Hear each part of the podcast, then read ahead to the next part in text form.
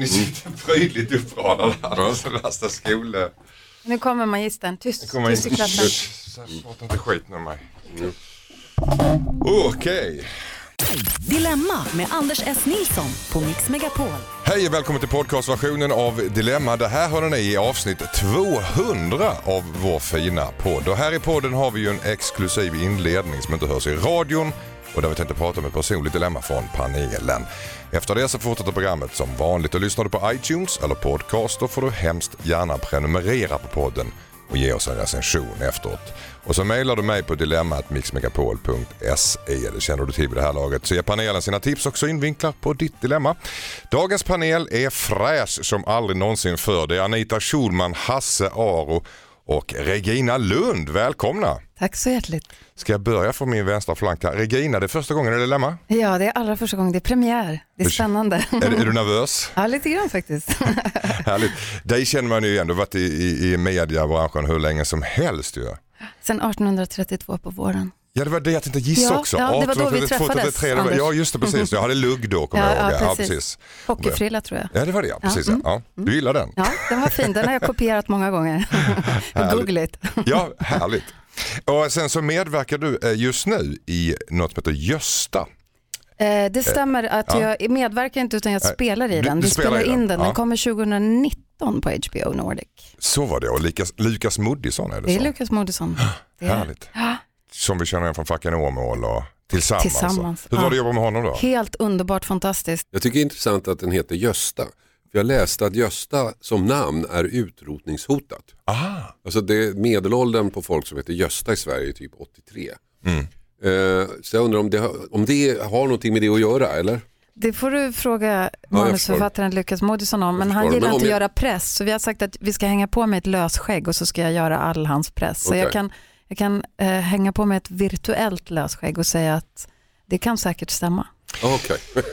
Eh, Gösta är ett utdöende namn, det tycker jag Anders är också. Eh, jag har inte hört många unga som heter Anders faktiskt. Vet du vad som är på väg tillbaka? Nej, Dubbelnamnen.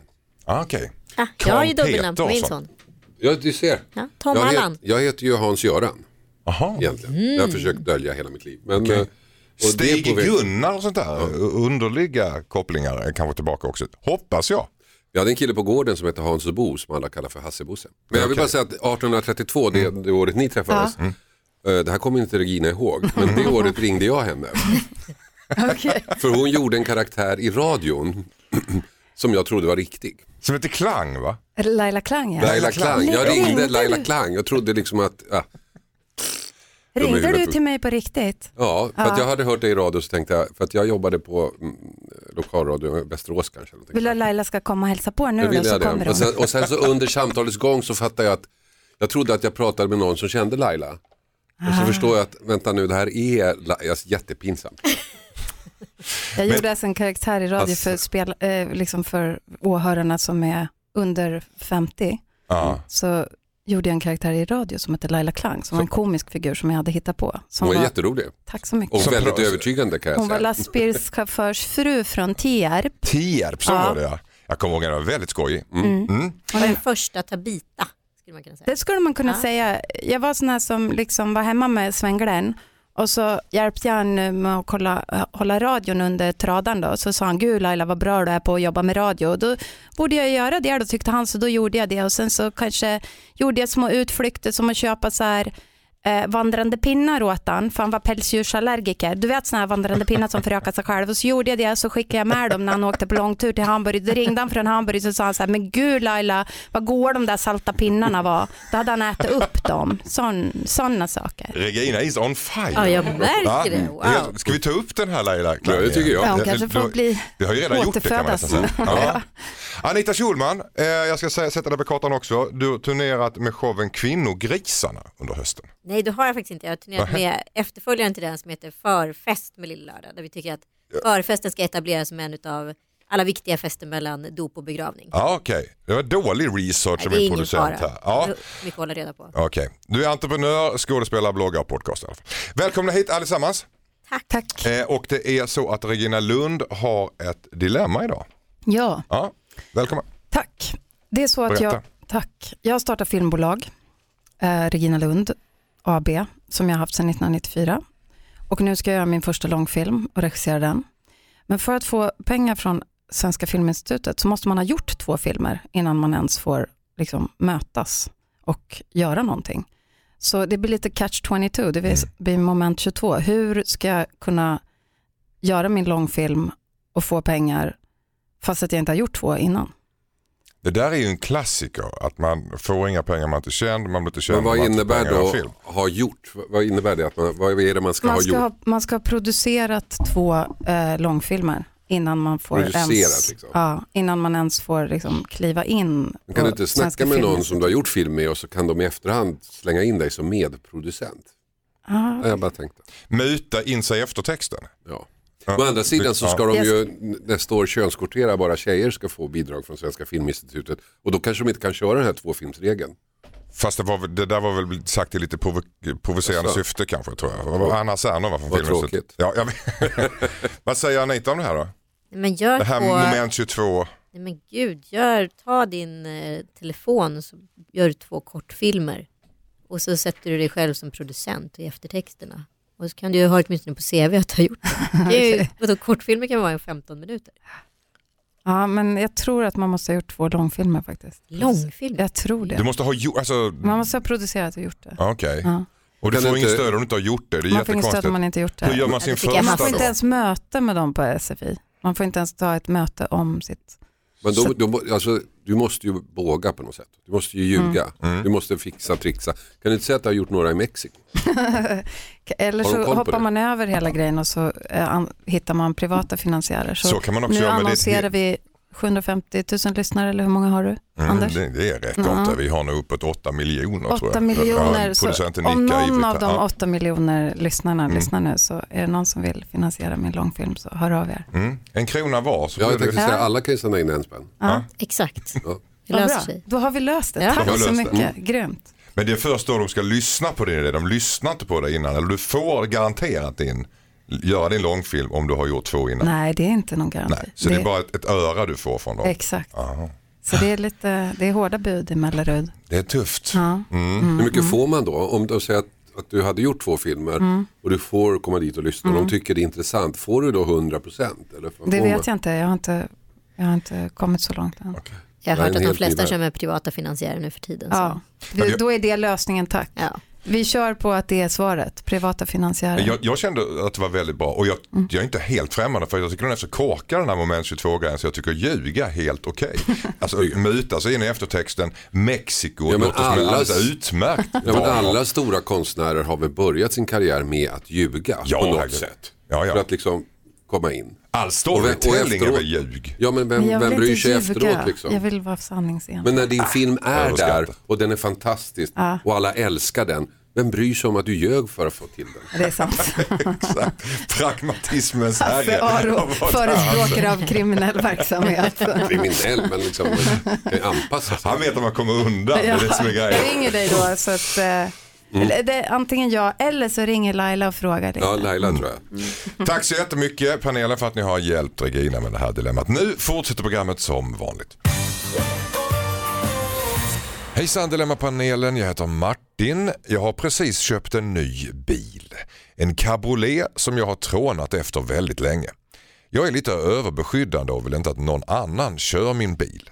Min fru har inget körkort, men hon och hennes syster ska ut på en roadtrip i sommar. Först var tanken att de skulle ta systerns bil, men nu har de kommit på att, de skulle vara väldigt, att det skulle vara väldigt glassigt att låna min bil. Jag vill verkligen inte detta.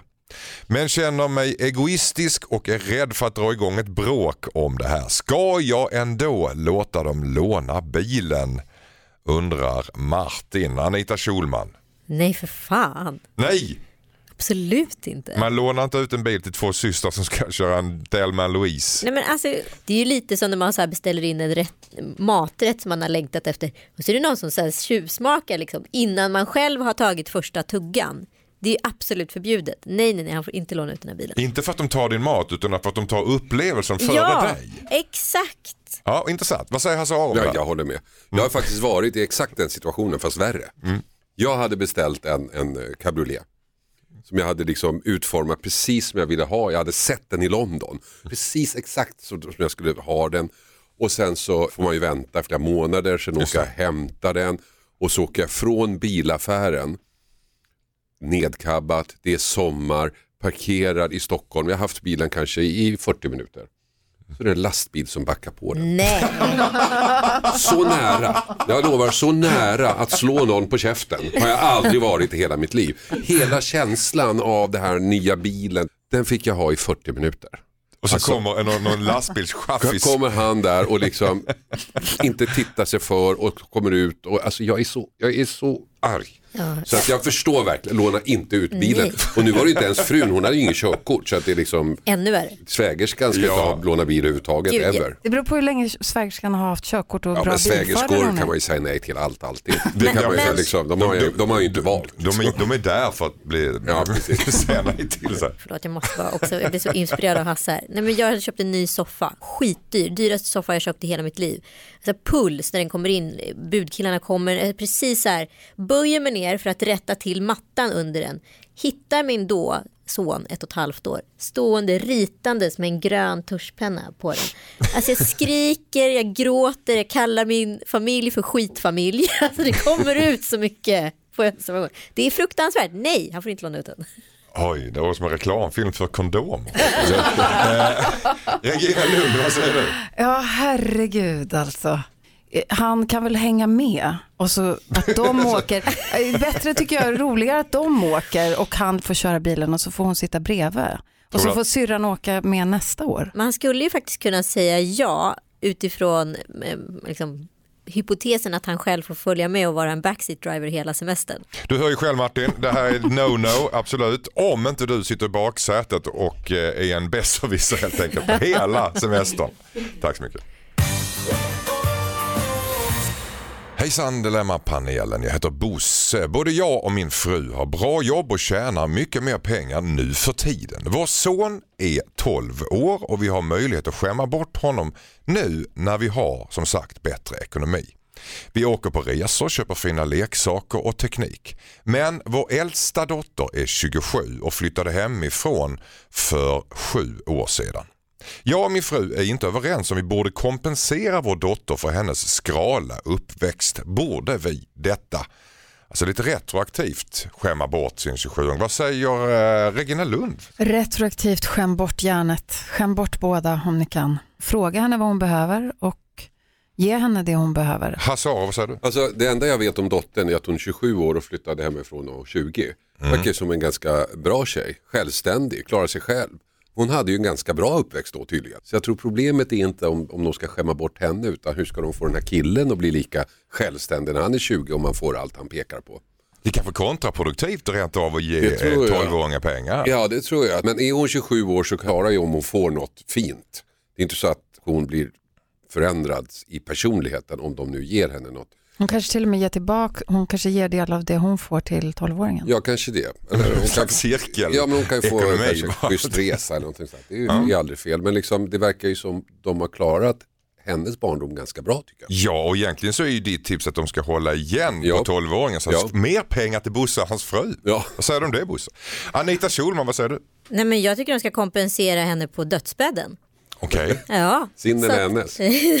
men du, du, På de är deras. betydligt äldre än henne. Ja men på förmodligen. deras dödsbädd. Så På att, deras dödsbädd? Ja, inte på hennes. Nej, vad hemskt. Man ska få ärva väldigt mycket mer än sonen och då behöver inte liksom de ta ansvar för den konflikt som kommer uppstå utan då är de redan passed away. Liksom. Ah. Han har ju spenderat sitt arv under uppväxten omedvetet. Ska de skriva detta testamentet Det också? så ni vet det så, vi, det tycker har vi inte sagt till dig. Verkligen hör du. bädda för att sabba deras relation för resten av livet.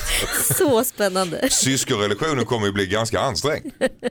Men det har du inga problem med för då är de borta menar du? På. Exakt. Ja, Behöver de inte ha dåligt samvete och de har liksom gett något till henne kompenserat. Sen får väl sonen stå där då om han är bortskämd och oförmögen att skapa sin egen liksom, vardag. Lever du efter den devisen Anita, att, att det man inte vet mår man inte dåligt av? Precis, Nej, men jag, jag, har, jag har lite olika sparkonton till mina barn så att jag, jag, har, jag har redan ångest för det här. Okej. Men det känns i alla fall som att eh, Regina tycker att du, ni ska skämma bort den 27-åriga dottern. Eh, Och 12-åringen. och 12-åringen också. Skäm bort alla era båda era två barn. Hasse tycker att du ska ta, eh, håll igen på 12-åringens pengar också för att ni har ju klarat det alldeles utmärkt med, med dottern här. Så att ni får mer pengar till er själva och varför inte ta och testamentera i princip 90% till dottern så att 12-åringen som då är lite äldre sen eh, inte får någonting. Och sen så skaver den relationen men det behöver inte betyda att ni mår dåligt för ni är ju döda då. Exakt. Eh, ungefär så va? Tack så Oh hjärtligt. Hejsan Dilemma-panelen heter Kima. En bekant har precis blivit av med en närstående familjemedlem.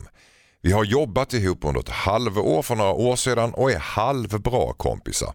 Vi hörs inte regelbundet men har umgåtts på tu man hand även om det var ett år sedan sist. Jag ser hur vissa skriver på hennes Facebook-sida vilket jag tycker är fel. Men det är ju svårt att veta om man river upp sår hos en sörjande eller om hon vill ha stöd. Vad är lagom i detta läge? Ett sms? Ska man komma förbi och ge en kram och hjälpa henne att rasta hunden? Vad tycker ni? Undrar Kima. Ja, Jag kan ju eh, hålla med lite om det här med Facebook för att det blir det är så in till intet liksom förpliktigande. Man bara säger åh vad tråkigt att skriva på Facebook. Jag skulle nog rekommendera sms. Kan vi göra både och? Se vad hon Ja det behöver. kan man göra, absolut det kan man göra. Det ena utesluter inte det andra men jag, jag tycker nog, men sorg är ju väldigt eh, jobbigt att hantera därför du har ju å ena sidan den här relationen om egentligen inte känner varandra särskilt bra. Och sen, och, och sen har du då den eh, eh, där, du verkligen, där du verkligen är en kompis. Och då är det ju mycket enklare. En, kompis, en nära vän går man inte in på Facebook. Nej, det, utan det, det är ju mycket enklare, då kommer man ju dit. Ja, precis. Vill de det eller inte så åker man ju dit, står man ju där. Det är det här mellanläget som jag tycker är jättesvårt. Tack så mycket Hasse. Vad säger Anita Schulman? Den här personen kanske inte vill bli tröstad mer än via Facebook från vissa. Så det kanske också är vara ett sätt för den personen att så här, här kan ni skriva av er, ni som vill dela min sorg. Men jag har ändå mitt nära liksom, nätverk som tar hand om mig. Så att jag tycker att man både ska skriva på Facebook och kanske skicka ett meddelande på Messenger och säga så här, hej, jag skrev på din wall, eh, men jag vill också säga att jag finns här om du vill någonting. Du touchar någonting som är intressant. Kan det vara så att en ömsesidig ångest på något sätt? Att de som har upplevt det här traumat också känner att oh, nu kommer alla och känna att de ska ge mig så jättemycket stöd. Och alla som vill ge dem stöd känner oj nu förväntas jag ge väldigt mycket stöd. Att det blir någon slags jag låsning alltså- där mellan väggen. De som inte är där när man har det svårt, de ska inte vara där heller. Nej. Det upplevde jag när jag fick det jag har varit igenom. Mm. Eh, Hur menar du då? Alltså, jo, men de- när jag fick cancer så de som inte var där, de kan man inte bli arg på. För de ska inte heller vara där, för de kan inte hantera sorg eller sjukdom. du blir jag aldrig tror- besviken menar du? Att, att... Nej, för att de kan inte bättre. Okej. Och det är det jag tänker med det här, att de som inte kan hantera sorg ska inte finnas där. Alltså det är naturligt, Mm. det blir ett naturligt bortfall. Människor är självsorterande. Mm. Så de kommer sen när man är frisk. Jag hade vänner som sa, kom när, eh, hör av dig så har vi en eh, fest när du är frisk. Så det fanns ingen besvikelse hos dig hos, mot dem som inte kom till dig när du var dålig? Eh, nej, det är klart att det fanns en sorg för dem som inte, alltså att jag, att jag hade önskat att vissa var där som inte var där naturligtvis. Men jag är inte sur på dem eller bitter för att de kunde inte bättre. Nej. Vi kan inte vara där för alla, alltid, hela tiden. Okej. Problemet är väl om ingen hör av sig och ingen skriver och ingen vet om människan sitter ensam i sin sorg. Det är väl den största tragiken. Här tycker jag vi har ett icke-problem på något sätt, Mm. på ett sätt, för att den här människan kan ju uppenbarligen uttrycka sin sorg. Då tycker jag man ska möta upp på alla sätt som går och sen får hon själv sålla. Så vi kan säga så här till Sima helt enkelt att du ska eh, närma dig din bekant så mycket det bara går via Facebook alldeles bra. Men framförallt också via sms personligt och det ena utesluter inte det andra. Tack så mycket. Hejsan Dilemmapanelen, jag heter Lina. Jag är 17 år och min mamma är väldigt kramig av sig. Jag tycker det är jobbigt. Men om jag säger att jag inte vill krama så blir hon ledsen. Hon säger att jag inte kommer få krama mina barn så länge till. Hon säger att jag inte kommer få krama mina barn så länge till och att hon vill passa på när vi bor hemma. Jag tycker inte om att kramas lika mycket som henne men när jag tar upp det så blir det alltid tjafs om att man måste få visa kärlek för varandra och till varandra. Kan jag be min mamma kramas mindre eller ska jag bara stå ut? Undrar Lina. Vad säger Anita Schulman? Eh, oj, det är svårt. Det är liksom en så känslig ålder fortfarande. Borde rimligen börja gå över året efter. Jag tycker att eh, hon får lite sätta agendan för hur mycket kramar hon vill ha. Hur ska hon säga till? Hon kanske ska hitta en kvot. Okay. Max 10 kramar per vecka. Ja, okej. Okay. Det gäller att hålla räkningen. Ja, där. exakt. Ja. Och då är det hon som säger nu, har du, nu är din kramkvot fylld. Ja, app, app, app, app, app. Sen kommer det där. 11. Exakt. Mm. Sen får hon böta varje gång kramar för mycket. Där har vi så det finns en ekonomisk vinning i det. Ekonomiskt incitament. Exakt. Och sen så tänker jag att det kommer gå över av sig själv när hon blir 18. Då kommer hon inte bry sig mycket om hon får kramar eller inte. Ja, då är hon myndig. Då kan hon säga från på riktigt. Precis. Ha lagen, precis. Vad säger eh, Hasse Lina, din mamma har burit dig i sin mage. Hon har fött fram dig under enorma smärtor.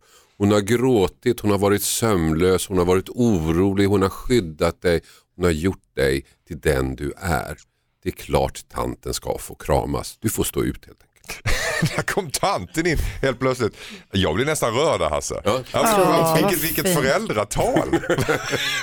ett bultande faders hjärta Hasse. Fan det finns ett hjärta i dig som bara bultar. Du får komma på Linas studentfest. alltså, Regina Lund, vad säger du? Ja, jag är så rörd av Hasse-Göran. Hasse, Hasse Hans Göran. Hans Göran. Hasse, Hasse, Hasse, Hasse Bosse kör båda. Hasse Bosse Göran. Hans Göran. Det var fint. Jag mm. blev rörd. Men, men, jag måste, men. Du har fel. Och, och som mamma som har burit ett barn så blir man lite mjuk i kanterna av det där svaret. Men som tonårsmamma så vill jag nog säga leave your kid alone. Alltså, jag tycker att 17-åringen ska säga mamma respektera mig, jag älskar dig men jag vill inte kramas, lägg ner. Vid vilken ålder brukar ungarna säga ifrån då? Jag vet inte. Ja, men, eh, jag var tydligen pinsam på bussen på riktigt den här veckan och min dotter är sju. Jag, ro, jag ropade, du kan komma och sätta dig här. Jag stod, hon bara, alla kollar. Så att man börjar väl, jag tänker att man liksom lägger på lager på lager till man blir så pinsam man, så att man liksom inte längre kan stå ut med den här personen. Och, och sen så försvinner det.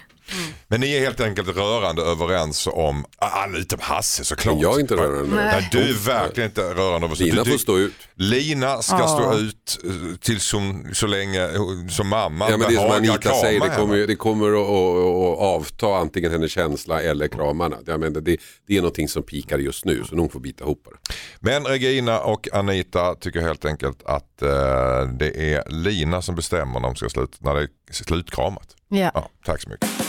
Skicka in ditt dilemma till dilemma@mixmegapol.se. Idag har vi Anita Schulman i panelen, vi har Hasse Aro och vi har Regina Lund som premiärdilemmar idag. Heter det så? Kan man ja, säga det, dilemmar? Vad brukar ni säga när någon premiärdilemmar? Jag tycker vi säger det. Ja, det du, låter premiär... som man föder ut någonting, ja. man dilemmar. Har du, du dilemmat? Jag har dilemmat ja. för första gången idag. Det känns väldigt bra. Sätter vi det på kartan. Snart är det dags för mormor Fionas dilemma. Hon har skrivit till mig. Eh, hon funderar på att avslöja vem barnbarnets biologiska pappa är minsann. Ett poddtips från Podplay. I podden Något Kaiko garanterar östgötarna Brutti och jag, Davva, dig en stor dos skratt. Där följer jag pladask för köttätandet igen. Man är lite som en jävla vampyr. Man har fått lite blodsmak och då måste man ha mer. Udda spaningar, fängslande anekdoter och en och annan arg rant. Jag måste ha mitt kaffe på morgonen för annars är jag ingen trevlig människa. Då är du ingen trevlig människa, punkt. Något kajko, hör du på podplay. Därför är gardinerna. Hejsan Dilemma-panelen, jag heter Fiona. Min dotter träffade en ny kille och blev gravid i samma veva för länge sedan. Hennes kille tror att han är pappa till deras dotter men min dotter har erkänt för mig att hon var gravid i första veckan när hon träffade sin nya kille. Deras dotter är sex år idag och jag ser hur hon liknar exet. Det är en jobbig hemlighet att bära på som mormor och jag är orolig att nuvarande pojkvännen ska lista ut det. Jag känner dessutom att hon förtjänar att veta vem som är hennes biologiska pappa. Ska jag berätta detta för mitt barnbarn och i sådana fall när då? Ja, Regina Lund, vad säger du? Berätta. Ska, ska hon lägga sig i detta mormor? Alltså? Absolut, jag tycker först hon ska ta ett snack med sin dotter Mm. och säga att jag kan inte bära det här längre.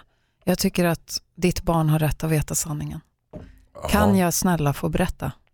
Vad ger, vad ger henne liksom, så att säga, mandatet till att göra det? Det är ju inte hennes barn. Nej, det ger henne ingen rätt, men hon har rätt att uttrycka sin åsikt, att hon vill att barnet har rätt till sanningen. Även mot dotterns vilja så att säga. Om dottern säger nej så tycker jag hon ska respektera det. Okej. Men om dottern säger ja så go ahead.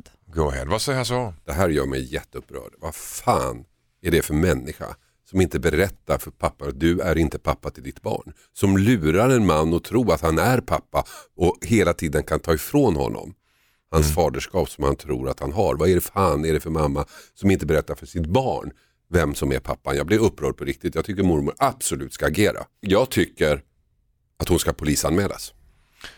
Så pass? Det här är ju värsta man kan göra mot en man. Det är Ja. det absolut mest förnedrande man kan göra mot en man. Vad säger Anita Schulman? Du är lika upprörd som Hasse. Ringer polisen. Alltså. Jag hade alltså en, en gammal kompis till mig blev ofrivilligt gravid på eh, juldagen. Klassisk hemvändarhelg. Sa ingenting till killen som hon hade blivit gravid med. Och sen så när bebisen var ungefär åtta månader. Då fick hon feeling och berätta. Då var den här killen nyförlovad med en tjej. Det hade gått liksom ett och ett halvt år. Det rev upp en del. Men Hon Efter- förstörde det förhållandet. Ja. Ja, men samtidigt efterspelet var det bästa. Eh, för att han blev ju liksom pappa då till barnet. Och jag tycker så här, mormor ska konfrontera dottern och säga så här, du får berätta det här själv. Om gör, och gör Och inte gör du inte du det så kommer jag göra det. Sådär ja. Och det tycker Hasse också. Alla barn har rätt att få veta vem som är deras pappa. Den rätten går ut, utöver mammans möjliga dåliga samvete eller något annat. Det- All, det alla, alla män, alla pappor har rätt att få veta vilka som är deras barn. Det tycker jag också. Men man måste också tänka på om barnet har knutit an till någon ny pappa så måste man gå försiktigt tillväga tycker jag. Ja, så att det inte en så- barnet liksom Ja, fast- rivs upp ur... Ja, fast jag tycker att moraliskt är det här större.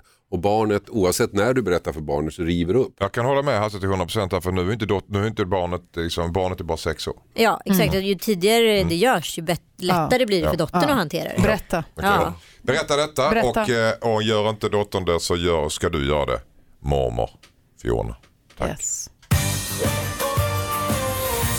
Hejsan Dilemmapanelen, jag heter Olof. Min fru snattar ibland. Oftast är det små saker men jag tycker att det är så onödigt och konstigt. Hon brukar erkänna att hon har snattat och då säger jag att det är just onödigt.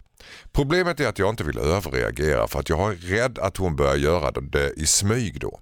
Jag är dessutom rädd att det eskalerar. Vad ska jag göra? undrar en förtvivlad Olof. En kleptoman eh, fru. Vad säger Anita Schulman? Nej, men jag tycker jag måste säga till henne att hon får ju börja gå i terapi för det här. Det är ju Mm. liksom, det är ju kleptomani. Alltså så här, småsnattar man lite, det, det beror ju på hur mycket hon småsnattar. Är det så att hon käkar lite godis från lösgodishyllan, är det snatteri? Ni kommer hem med en platt tv, man vet, jag har ingen aning. Nej, nej men alltså vilken typ av snatteri är det? Det skulle man ju vilja ta reda på först och främst. Men han reagerar inte speciellt starkt. Han säger att det är onödigt och konstigt och så är han rädd för att överreagera. Vad säger Hasse om det? nej men jag förstår honom. ja. Ja, men, jag menar, om man är i affären till exempel och så köper man någonting och så slår de in en lägre summa. Och då håller man ju masken och så betalar man den här lägre summan och så går man ut och ser man lite yes. Så. Och det tycker jag är mänskligt. Men snattandet är ju i sig ett tvångsbeteende.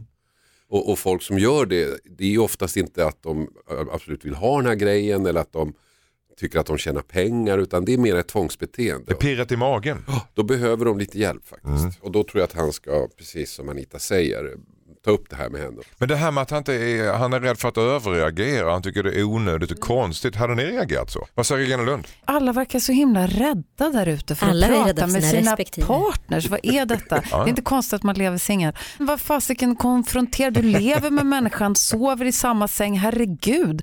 Om människan snattar fattar, fucking step up och säg till. Sådär ja Regina. Kom igen. Ja men liksom, det, den här människan kanske behöver hjälp. Den kanske, det måste ju handla om någonting annat. Det kanske är att den inte har fått tillräckligt som barn eller whatever. Tror att det, det kanske är en krigsskada, vad vet man av något slag.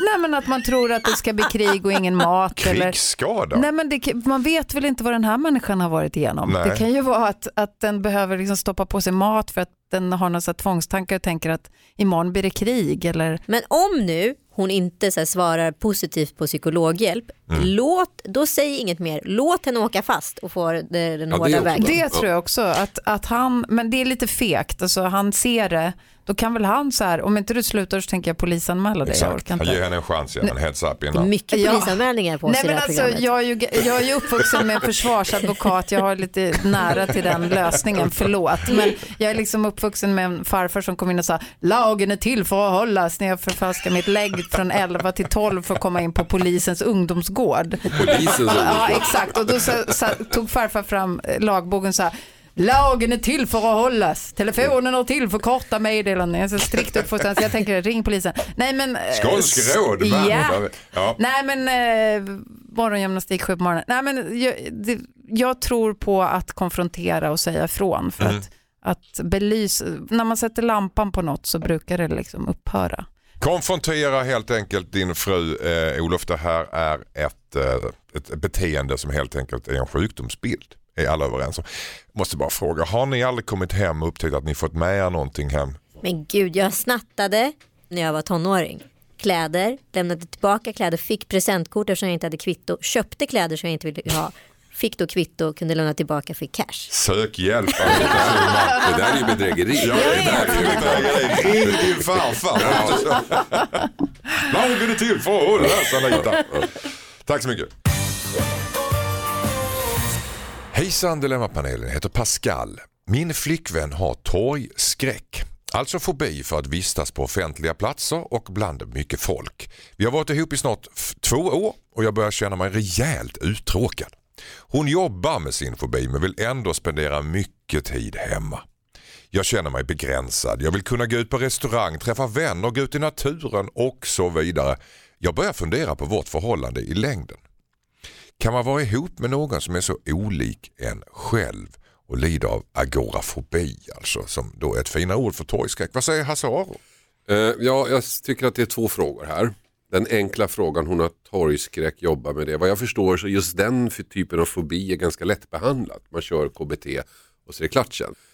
Den djupare frågan är, liksom, kan man vara ihop med någon som begränsar ens liv som hon då gör? Eller är det skäl nog att göra slut med någon för att de begränsar ens liv? Det är ju jättesvårt. Kan det, Det är så? verkligen svårt men jag skulle vilja säga ja. det kan man, man kan Ja, lära de sig. har inte varit ihop jättelänge men om man är tillsammans med någon som på något sätt så väldigt begränsar ens liv och inte kan göra någonting åt det, då kanske man ska fundera på om man verkligen har hamnat rätt. Mm, en, ta en funderare där Pascal helt enkelt om det här är din tjej. Helt enkelt. Anita Schulman, vad säger du? Men jag vet inte, jag tror den här torgskräcken är konstruerad.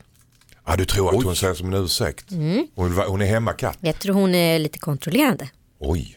Och jag tror att Pascals behov, eh, som egentligen inte är ett jättestort dilemma, att han vill vara ute och röra sig och göra sociala saker, det kan ju han göra med sina kompisar.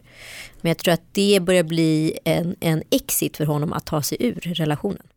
Så det är två stycken som konspirerar på sina olika kanter så att säga. Exakt, Hon kontrollerar honom och han vill egentligen ta sig ur. exakt. Aha. Regina Lund, har du samma analys av det här? Nej, det har jag inte. Jag becksvart tror, jag, det var ju en väldigt rolig analys. Men jag tror jag tar agorafobi på största allvar, precis som jag tar cellskräck, eh, klaustrofobi på största allvar, eftersom jag själv lider av klaustrofobi. Och jag det går ju att hjälpa. det går att jobba bort det. Jag jobbar bort det helt på egen hand. Jag tog hissen upp hit till exempel. Hur jobbar du bort din cellskräck? Förlåt. Jag bestämde mig för att jag vill inte ha den här eh, fobin och så utsatte jag mig för att eh, åka mycket hiss. Och Inte bestämma två mig valium innan utan Nej. du, nej. Nej, Helt jag, liksom- jag in i en hiss. åker med andra människor så känner jag mig trygg och att jag vet att mobilen fungerar. Och, eh, så jag tog det stegvis. Mm. Och sen så låtsades jag också att det fanns någonting väldigt eh, fantastiskt. På, att om jag skulle komma till New York till exempel och jag måste åka upp till 28 våningen. Gud, nu vill jag veta direkt, har folk lika mycket cellskräck i New York? För det går ju inte att ha det. Nej. Nej, nej precis, de är ju, precis, det är Man får jobba bort det. Man får tänka, jag tror att de av tänk- Ja. bo där. Ja. Jag tror att man tänker bort det, man tänker att det inte är ett problem, man tänker på andra saker. Så att det är liksom inte, vi pratar inte om några djupa personliga kriser som kräver liksom det- psykoterapi och psykofarmaka i åratal. Nej, det är det jag menar. Det Hon, handlar bara om an- att bestämma sig. ja, men hon använder det här som ett svepskäl. För hon säger att hon jobbar på det. Men Det de har varit ihop, inte. de har varit ihop i två år och det har inte blivit bättre. Då är det ju någonting som inte stämmer. Då vill hon ju inte bli av med det. Hon vill hon kontrollera. Bling bling, stor varningslampa här Pascal, tycker Anita Schulman. Och eh, Hazard tycker att du ska fundera på om det här är din tjej som begränsar ditt liv. Och Regina Lund blev av med sin cellskräck och tycker, tycker du han ska tvinga Ja. sin flickvän egentligen att, Nej, att bli men- av med det här? Nej, men ingen ska tvingas till någonting, det är inte bra. Ta han i handen, gå ut på ett torg och håll kvar, säger jag. Gå ut på Sergels torg om ni är i Stockholm och Exakt. ställer jag kan vara Flyga. här, jag är inte rädd. Ja, nej, men hjälp henne tycker jag och håll ihop. Tack så mycket. Hejsan Dilemmapanelen, jag heter Johan. En avdelningschef hittar på smeknamn för alla, på nya på jo- alla nya på jobbet. Han säger att han gör det för att bonda men jag tror att han bara inte orkar lära sig deras namn. Det är inte särskilt kreativa namn heller, som till exempel Rödtröjan eftersom en kille hade röd tröja på sig första dagen på jobbet. Själv heter jag Kalix eftersom jag växte upp där. Jag kan tycka att det är oerhört drygt men vet inte om det är värt att dra igång ett tjafs över. Vad ska jag göra undrar Kalix. Johan, vad säger Regina Lund? Ja, men alltså, jätte, det här tyckte jag var svåraste dilemmat hittills. men alltså, han försöker pigga upp, han har tråkigt på jobbet. Han är understimulerad konstnärligt, han är understimulerad yrkesmässigt. Han är kanske till och med understimulerad sexuellt och privat och på alla plan. Oj, du tog den växeln Ja, alltså. Han så han, måste, han eh, behöver mer av allt. För att han, eller så måste han byta yrke och ha ett lite mer kreativt yrke. Vad säger Anita Schulman om det här? Men, alltså, de får ju kontra och säga hans namn jättetydligt varje gång de säger hej. Hej Bosse! Eller så får de helt enkelt börja bära namnlappar. Ah, I pannan eller För jag tror att han har så här, vad heter det, afasi. Nej, men, Men vad, vad heter det sen när man inte kommer ihåg namn? ja, det finns man, är, ju en- man är glömsk. Ja, men det, nej, men det finns ju en sån här diagnos man inte har så här, kommer ihåg namnminne eller ansik, ansiktsblind och allt möjligt. Mm, ja, faktiskt. Det finns ju minnesexperter som menar att man ska tänka på, om man ser någon som brukar vara röd i ansiktet så tänker man kanske på ett rött äpple och så kommer man ihåg, ja Magnus. Alltså, Alltså därför blir han röd till, tröjan. ja exakt. Ja. Så När man ser ett rött äpple så tänker man på Magnus. nej jag vet, jättekonstigt. Nej men är alltså att man, omvänt också eller? nej, men det var ett jättedåligt exempel. Men vi säger att någon heter, eh, nej men åh vad dåligt. Eh, Nej, men jag- det alltså- finns, Någon heter tycker det är Hasse. Åh, vad jag, dåligt. förstår, jag förstår precis vad Förstår för så du? gör jag. man kopplar Så en jag människa man- med alltså, en grej. Jag har man jättesvårt för, för namn och då försöker jag hitta minnesregler som inte är logiska för någon. Och egentligen inte för mig heller, men funkar. Ja. När, när är ett smeknamn nedlåtande då? Varför är folk så kränkta över att man kallar dem för någonting annat? Men jag tycker att det beror på vem som säger det. Mm. Det beror inte på öknamnet i sig. Jag menar, eh, när jag var liten så tyckte jag, när folk kallade mig för finne, det tyckte jag var extremt förnedrande och så alltid till och så här. Men så jobbade jag med Mats Örbrink, en kille, som kallade mig för finnen från samma ögonblick han träffade mig och alltid gjorde det sen. Och det tyckte jag var helt okej när han gjorde det av någon anledning. För att antagligen för att jag hörde att i han, det låg inget, låg inget dömande i hans sätt att säga det. Men Hasse du är inne på någonting där för att alltså, man känner ju av uppsåtet Ja, hos en människa. Alltså, om de har ett uppsåt att platta till en, förminska en eller liksom Ja. trycka till en på något sätt. Då reagerar, man, då reagerar man på det. Men om det kommer från en, bara en ja, hjärtlig Ja. välkomnande så, Ja. så är det inte alls man reagerar Nej. illa. Och, det, och det, jag. det hör man. Jag kallades för lilla kommunisten. Jag var Mm. eh, elevrådsordförande när jag var 11 på Solenskolan i Gävle. Då hade jag en grön tröja och jag var miljövänlig och då fick jag namnet lilla kommunisten. Mm. Jag förstod aldrig varför. Tog du illa upp? Nej, Nej. Men för att eh, jag tyckte att det var nog bra, för Okej. min mamma var det. Och då tänkte jag att det var positivt. Men alltså alla de egenskaperna eller smeknamnen som ni drar upp, det är ju egenskaper. Alltså, Ja. Men alla definition. smeknamn bygger på det. Ja, Eller men det gör bort ju inte rödtröjan. Nej, det är sant. Eh, vad ska jag göra då undrar Kalix helt enkelt som han själv börjar kalla sig för Kalix. Ska han stå ut med det här eller ska han vara... Ja men stå ut, stackars avdelningschefen. Han behöver ju, alltså, Nej, konfrontera.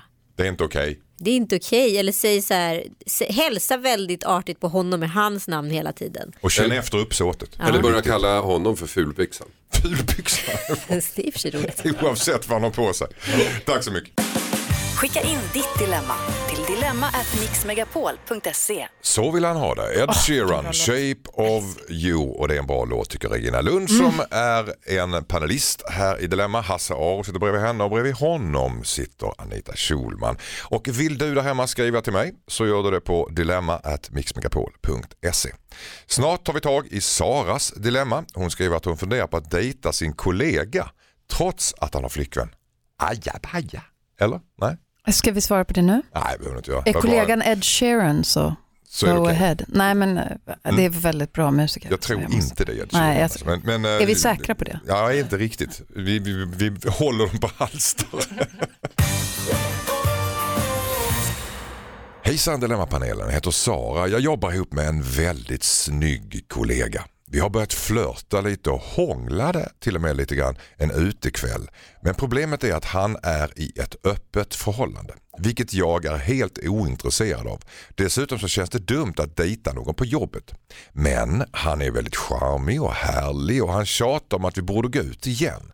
Han säger att han inte vill ha ett öppet förhållande i framtiden utan att det är hans tjej som vill detta. Borde jag fortsätta träffa honom och hoppas att han lämnar sin tjej eller ska jag strunta i det? Undrar Sara. Vad säger Regina Lund? Om hon älskar honom och är väldigt kär i honom så då tycker jag hon ska fortsätta dejta honom.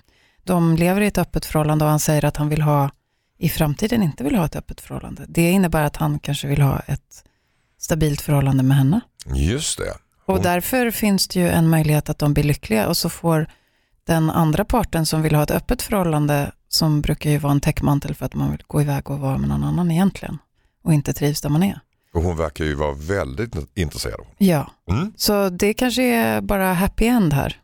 Kör så det ryker. Sara Kör så det ryker. Regina Lund. Hasse Aro. Alla mina varningsklockor ringer. Ja, Ja. mina med. Det här är ju en bedragare. Exakt det jag Ja. Fick du Regina. Ja, jag är är så liksom- lättlurad, jag är också Ja, singel, ni liksom, fattar ju det är varför. så lätt genomskådat och borde hångla. Jag lever i ett öppet förhållande. Det är lögn ett. Ja. jag. Det gör han inte. Lögn två, i framtiden kan jag tänka mig ett fast förhållande. Det är lögn två. Han ville bara ha omkull henne.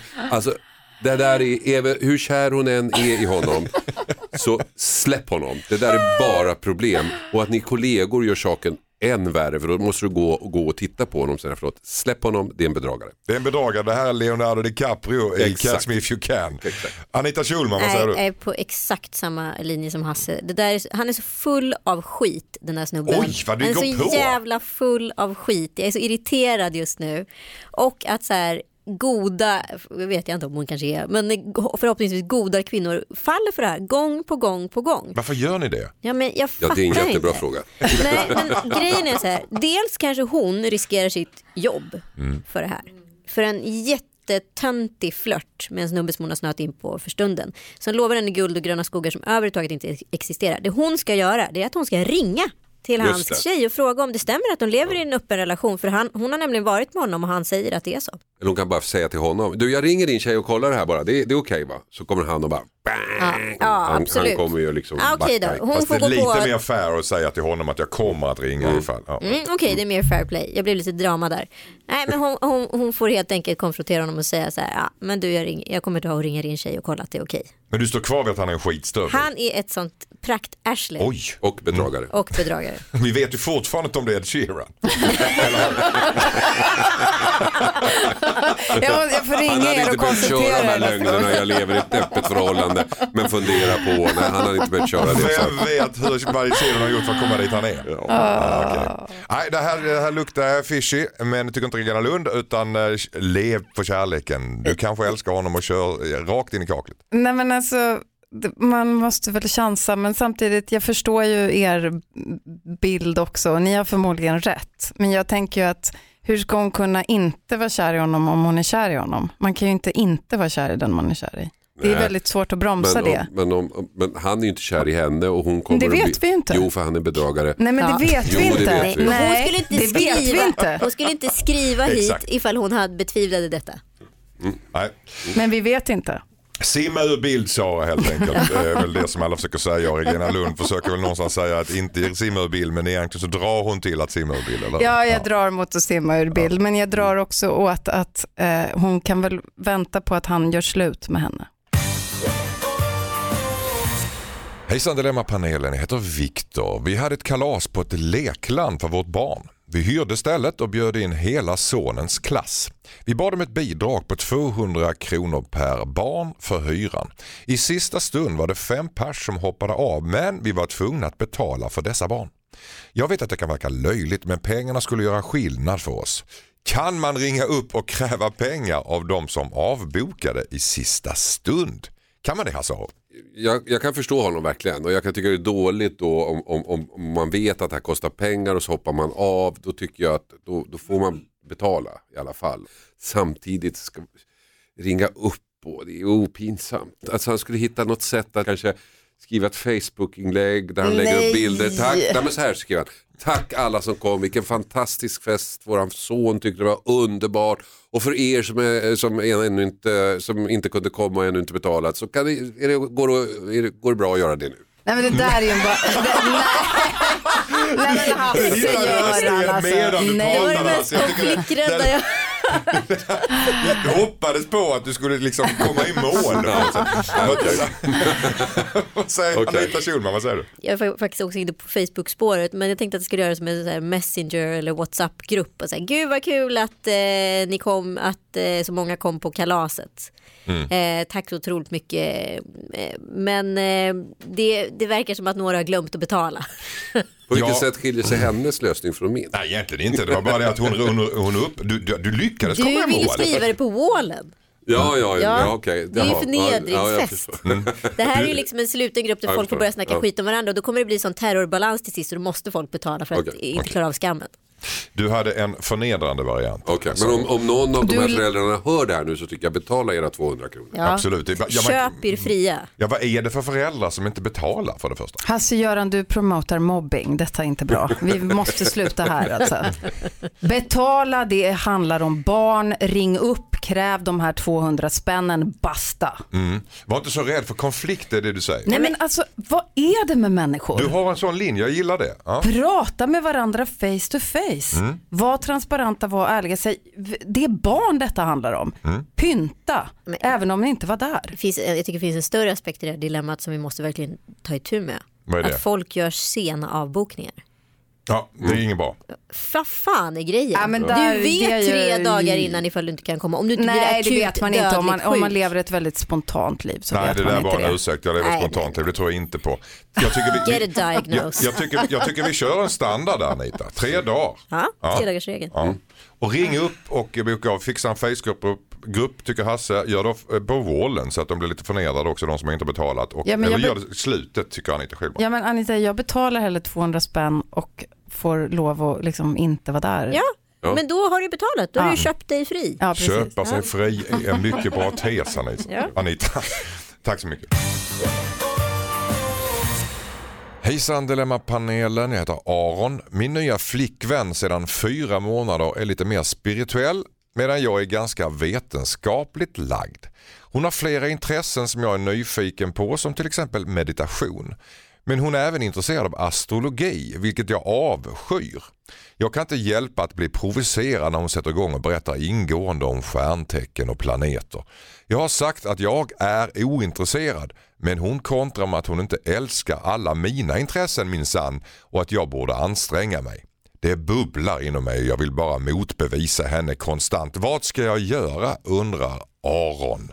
Vad säger Regina Lund om det här? Ja, det är friktion, det är väl bra. Mm. Eh, jag tror att de har väldigt mycket passion och att det finns, hur viktigt är deras eh, intressen för varandra? Kan de, är de intresserade av varandra eller har de så tråkigt med varandra att de måste ha olika diskussioner om saker och ting? Men de är ju så pass intresserade av varandra ändå att de är eh, nyfikna på varandra och Mm. blir provocerade av varandra och det är ju energi. Ja. Det är inte likgiltighet. Nej. Så på, Eh, på så sätt så är det positivt menar Om man, ja, om man inte skrev in hit så skulle han inte, om man inte var provocerad så skulle han inte känna någonting. Är det någon slags hatkärlek? Kanske det. Ja. Det är i alla fall kärlek Ja, men det är friktion i alla fall. Men vad, vill han veta vad han ska ta sig till? Eller Mm. Hur ska han få henne att, att bli mer normal kanske han tycker? Jag vet inte. vad nu är no- norm, vem, är det mer normalt vad han håller på med än vad hon håller på med? Det är ju väldigt fascistoid att tycka så. Men jag tycker så här, han, han tar henne med på lite andra aktiviteter. Han hoppar fallskärm med henne eller tar med henne ut på en resa eller får henne att bli intresserad av någonting. Tar med henne på en här science eh, klubb eller åker någonstans där det är, inte vet jag, åker luftballong eller Mm. åker snabbt i bil eller lär henne eh, bungee jump eller eh, surfing eller scuba diving. Någonting så att, Nu är det ju inte Hennes- säkert att Aron är allt det där. nej men han kanske, han får inspiration nu när han lyssnar på det här. Aron, Ja. ta med din flickvän och dyk så kommer hon få ett nytt universum under vattnet. Sådär ja. Hasse Aro, vad säger du om det? Nej, men jag tycker flickvännen uttryckte det väldigt bra. Jag är inte så intresserad av alla dina intressen heller. Nej. Nej men så är det ju att vara tillsammans med någon. Det finns intressen, det finns sidor som man inte gillar. Men man får köpa det, it's a package liksom. Sen så kan ju han, om han vill, kan, jag, kan han få mitt bästa argument mot astrologi och köra på henne och se om det funkar. Och vad är det? Nämligen, tänk dig då att du vet, du vet exakt när ditt barn ska föda, när ditt barn är beräknat att föda. Det ska födas då den 8 september 11.52. Och så ser du då att planeterna står så jävla illa just då. så då gör du ett kejsarsnitt tre veckor innan. Blir det då en helt annan person?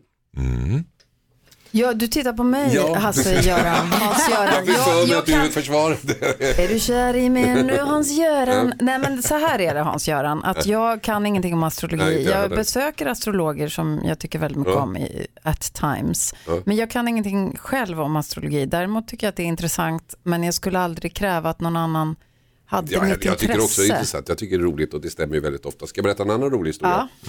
När jag jobbade, Om du vill. När jag, Oj, har du hört den förut? Nej, här är rolig. Eh, När jag jobbade med ett tv-program som hette Kvart för hundra år sedan och då hade det precis kommit eh, sån här datorastrologi. Att en dator kunde liksom eh, göra ditt horoskop. Men då var du tvungen att veta exakt när du var född. Jag skulle testa det här. Så ringer min mamma, hej mamma det är Hasse, hej Hasse, säger hon. Mamma, eh, när är jag född? Funderar hon en stund så säger hon, är det inte på hösten?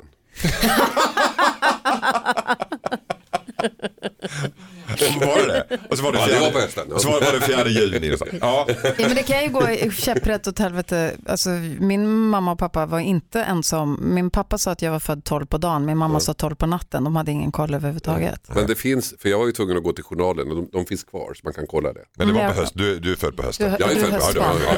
Ja, Ja. Anita Schulman. Nej, men jag, alltså, jag och min kille, eh, han, vi är jätteextremt olika. Eh, jag dyker exempelvis. Det gör inte han. Nej. Han är Eh, astrolog. Han är astrolog. Nej men han är jättefotbollsintresserad. Och det är väldigt mycket matcher just nu. Det är Champions League och snart börjar VM och allt vad det är, hej och eh, Men han får, ju, han får ju liksom nyttja sitt intresse. Vi har, vi har två våningar så jag kan vara nere och kolla på tv när han kollar på fotboll. Känner du att det stärker ert förhållande? Att det skapas passion? Att, ni, att det har just friktion? Eller att ni går in i varandras Jag tycker det världar? är så jävla viktigt att ha olika intressen. Och, och jag tycker så här, jag omfamnar verkligen att ha olika intressen. Så det jag skulle göra om jag var Aron, det är att jag skulle köpa en sån här eh, astrologikurs till henne. Eller liksom en astroresa eller vad fan det nu är. Peppa henne ännu mer. Peppa henne ännu mer och då kan hon ta sitt intresse och skapa en liten grupp och en eh, liksom social community med det, de hon eh, åker på kurs med. Och så slipper han det och har liksom ändå embraceat, eller vad heter det, omfamnat. Lika barn leker inte bäst. Men jag tycker att han ska, liksom, jag menar astrologi, och man kan ju tycka massa saker om det, men det, är liksom, det finns ju värre saker att syssla med.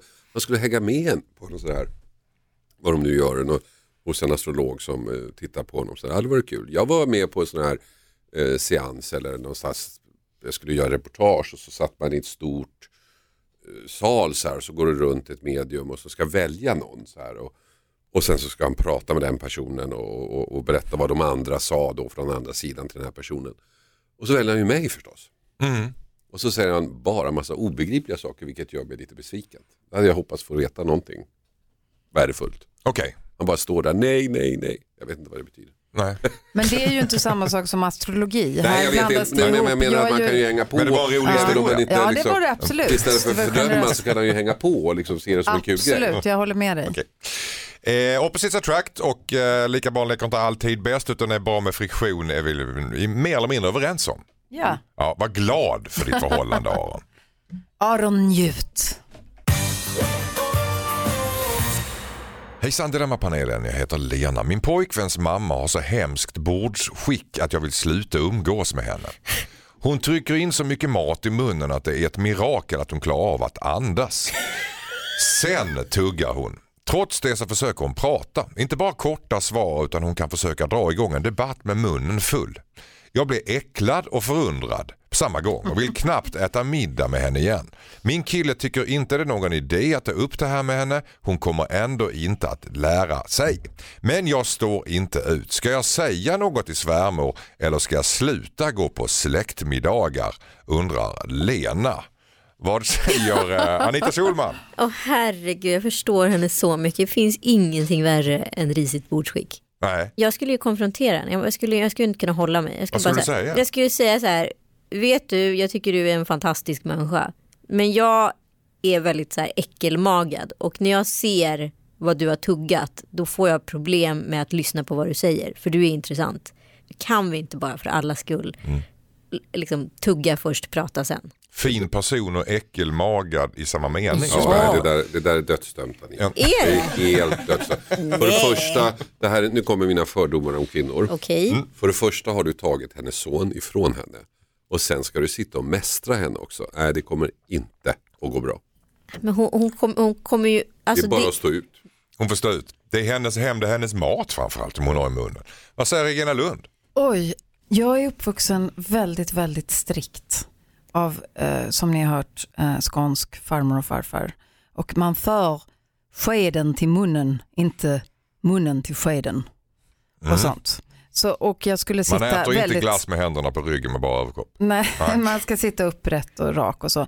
Så jag, tycker, jag blir rätt glad när jag ser att människor förhåller sig fritt till maten. Jag tänker att satt vi i djungeln så skulle folk äta med fingrarna och det är okej. Så jag är, inte, jag är inte äckelmagad, det besvärar mig inte. Men om det är någon som tar illa vid sig så tycker jag då ska man väl kanske säga det då.